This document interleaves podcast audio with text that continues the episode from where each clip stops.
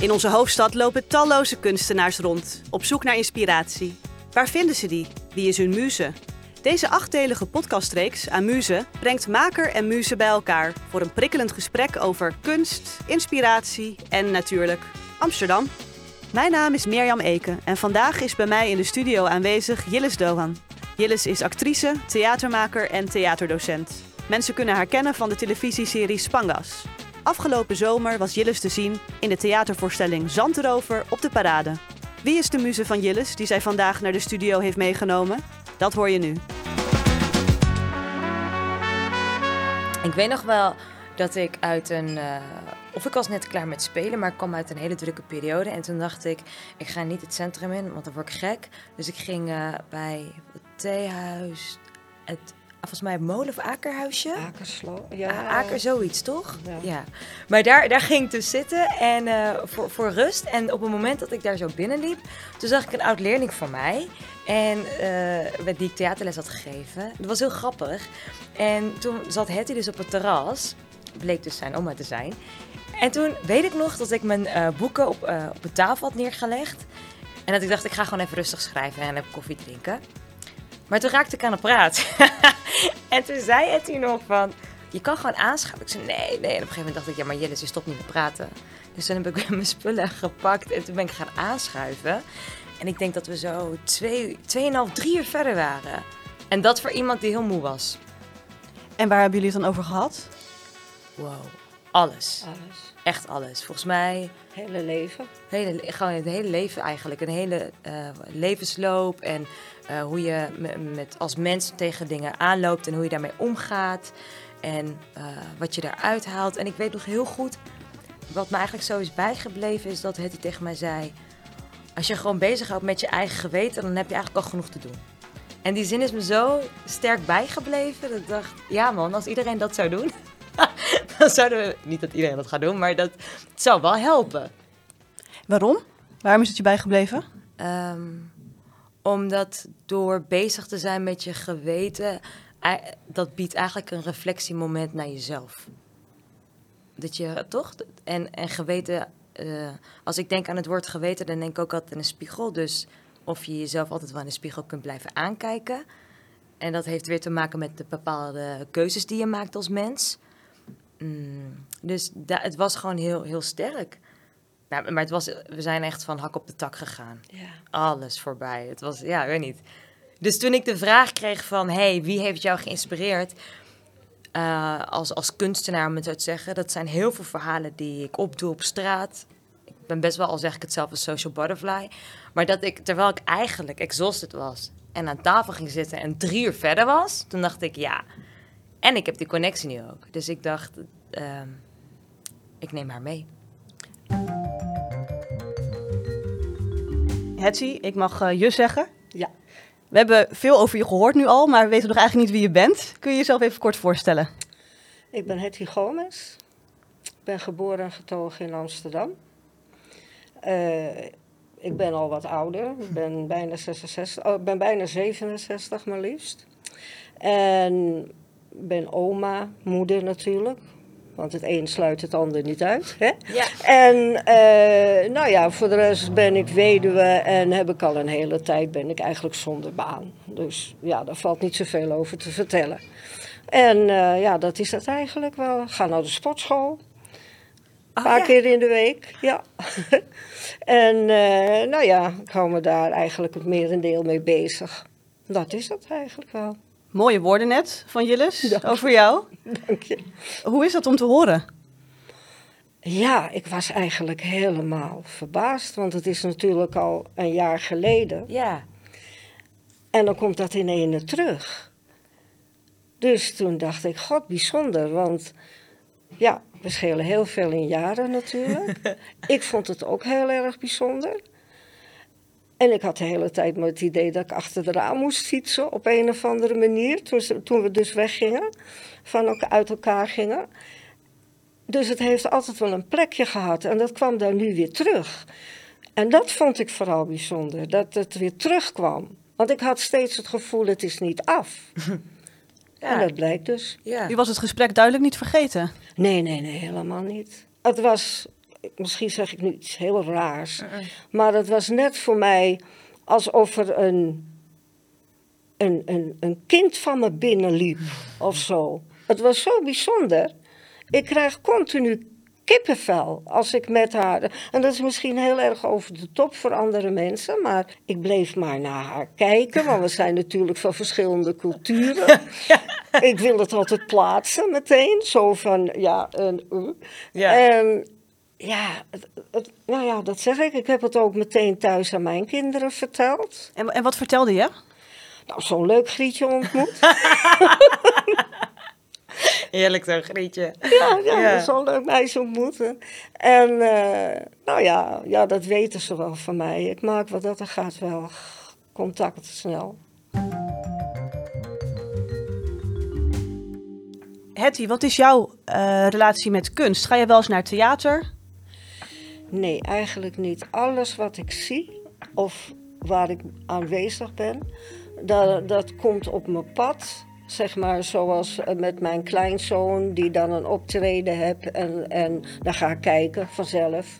En eh, dat soort dingetjes. En ja, voor de rest ben ik eigenlijk, omdat ik een heel druk leven heb eh, gehad in het verleden met mijn kinderen, hè, ben ik nooit echt bezig geweest met kunst.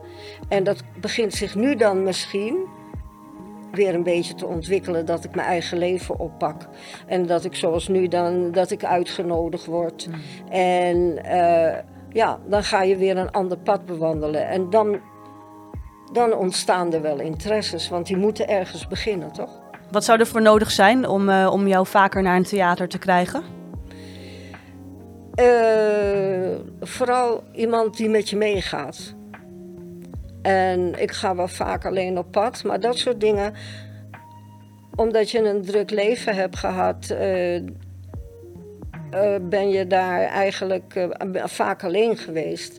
Dus heb je niet zo'n grote vriendenkring. En ja, dat soort dingen doe je vaak met z'n tweeën, toch? Ja, misschien wel. Jullie wel een Ja, keertje met je mee naar een voorstelling. zeggen. Dan neem ik jou wel mee.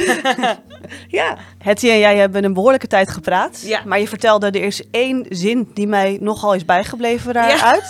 klopt. Eh Hetty die zei, de enige taak in het leven is om je geweten bij je te houden. Klopt. Kun je eens aan Hetty proberen uit te leggen wat die zin met jou deed? Die zin bracht mij op. Zeg je dat? Het, het was een. mm, het, het was een soort van. Je, je hebt toch wel eens als je. nou, tenminste, ik trek wel eens kaarten waar dan iets op staat. Ja. En dan denk je, ja, hier heb ik niet zoveel mee. Maar dat, dit was zo'n zin dat ik dacht. ehm, een bepaalde norm of zo. Dat ik denk, oh ja, het is een soort van incheck. Eh, doe je wel wat je moet doen voor jezelf? Eh, hoe zorg je ervoor dat je je geweten schoon Eh, al, moet ik, al zeg ik zelf, ik vind mezelf best wel een braaf persoon. Maar snap je, het was een wel een ja, soort van... ja, Ik zag het als een levenswijsheid. ja, echt. Ja, zo zag ik het. Het is mij helemaal niet bijgebleven. Nee, mij- Maar ik zeg die dingen, ja. Ja, Ja. want ik weet nog dat we het hadden over, over mensen die, die dan op een bepaalde manier... Of het waren vrienden of familieleden die we dan irritant vonden hoe ze ermee omgingen. Ja, Oh ja, eigenlijk een soort van gebrek aan communicatie. ja. En door, dat, door zo te gaan praten, toen zei je, weet je wat we eigenlijk zouden moeten doen? Als iedereen nou bezig is met zijn eigen geweten, Ja. dan heb je al huiswerk genoeg. Zoiets zei je. En toen was ik het er zo mee eens. Hoe neem jij dat mee in je werk? Kun je eens Hetty vertellen wat dat voor invloed op jou heeft gehad? Ik weet nog dat ze zei van, als iedereen daar, zich daarmee bezighoudt, dan heb je al huiswerk genoeg. En het is gewoon zo'n zin die altijd zo in mijn achterhoofd is, ja, blijven dwarrelen. Dus op het moment dat ik aan het maken ben of schrijven ben, eh, en ik, mijn hoofd gaat heen en weer, ik weet niet, misschien merk je het ook op de manier waarop ik praat, tik-tak, dan is dat zo'n zin die elke keer weer terugkomt. Hoe is dat eigenlijk zo bij jou ontstaan? Ik wil gewoon naar mezelf kunnen kijken. Ja.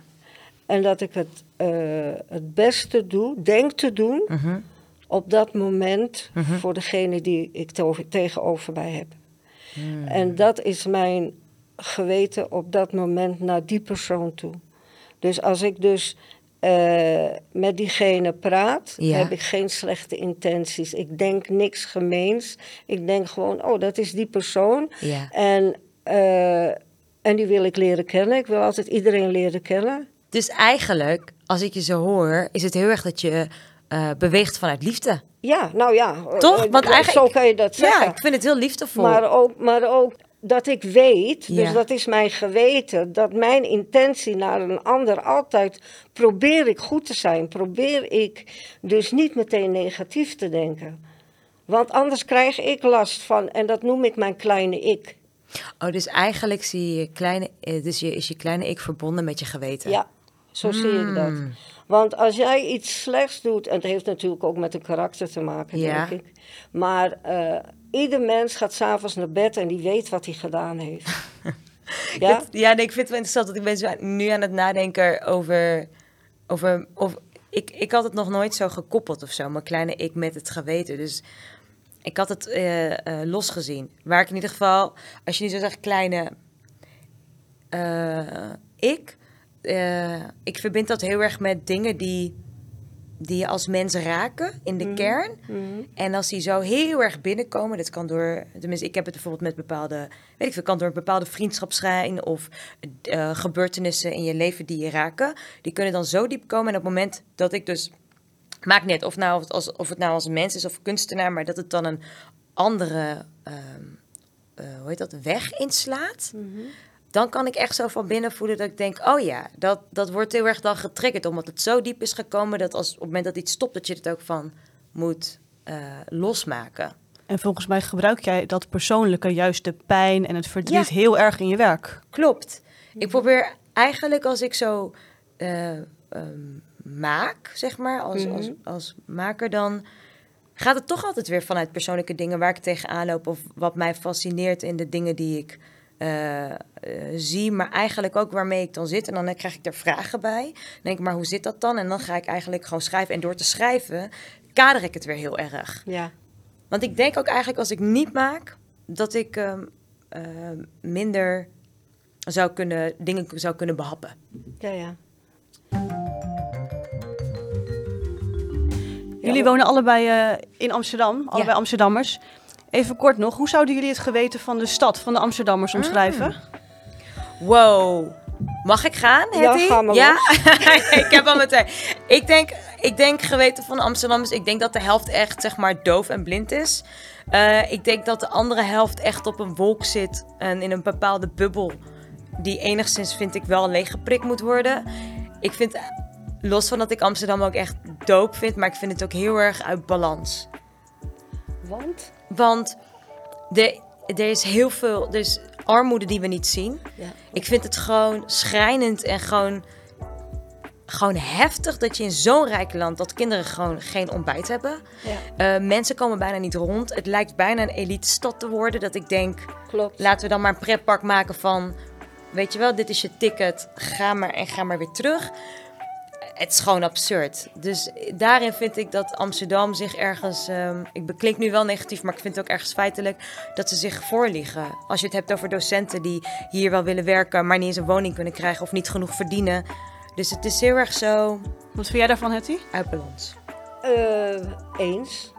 En ook, eh, noem maar een voorbeeld.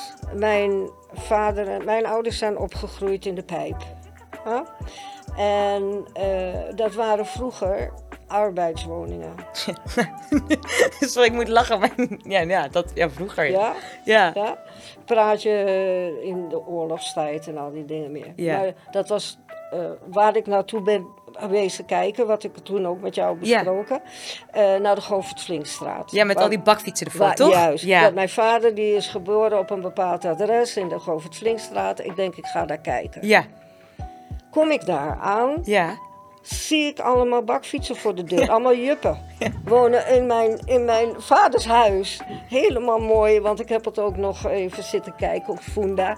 Oh, ik dan dacht, heb je aangeklopt, maar je had niet Nee, aangeklopt. nee, nee, nee, nee, dat Gewoon- doe ik doe ik ook heel nee. vaak. Dus ik ben ik gewoon nieuwsgierig hoe huis het van binnen Nee, uitziet. dat doe ik niet. Maar, dus ik ben zo'n beetje gaan kijken en ik denk, bizar. Dus er wonen nu gewoon mensen die dus eh, ja, zoveel geld te besteden hebben, hebben. Zitten dus in een kelderwoning, want dat is in principe een kelder. Ja. Dat is dan helemaal diep, een beetje, een beetje onder Mhm. de grond. Dan staan er fietsenrekken voor. Ja. Hè, allemaal fietsen. Mhm. En dan kijk je niet eens uit over een. Maar die hebben dan die woningen gekocht voor Nou, misschien doet het een miljoen. Ja. Waar ik dus niet zou willen zitten. Terwijl je daar je hele jeugd hebt doorgebracht. Maar mijn vader heeft dus Of daar... je vader. Mijn Ik dacht jij. vader. Mijn vader is geboren daar. Ja, precies op die woning. Ja. Ik wilde inderdaad aanbellen, gewoon uit pure Tuurlijk, maar ook wat het... Ja, Maar snap ik, ik. dacht, ja, dat ga ik niet doen. Dat is een beetje, dat vind ik een beetje awkward. Eh, als jij één ding kan meegeven aan Jilles, wat zou je nog tegen haar willen zeggen? Blijf gewoon wie je bent, want je bent top. Zo lief. Dat is echt lief. Nou, wat ik sowieso tegen Etty ga zeggen. Wij gaan gewoon samen naar een voorstelling. Top, ja. Ja. Ja, dat gaan we doen. Dank jullie wel. Graag gedaan. Jullie bedankt.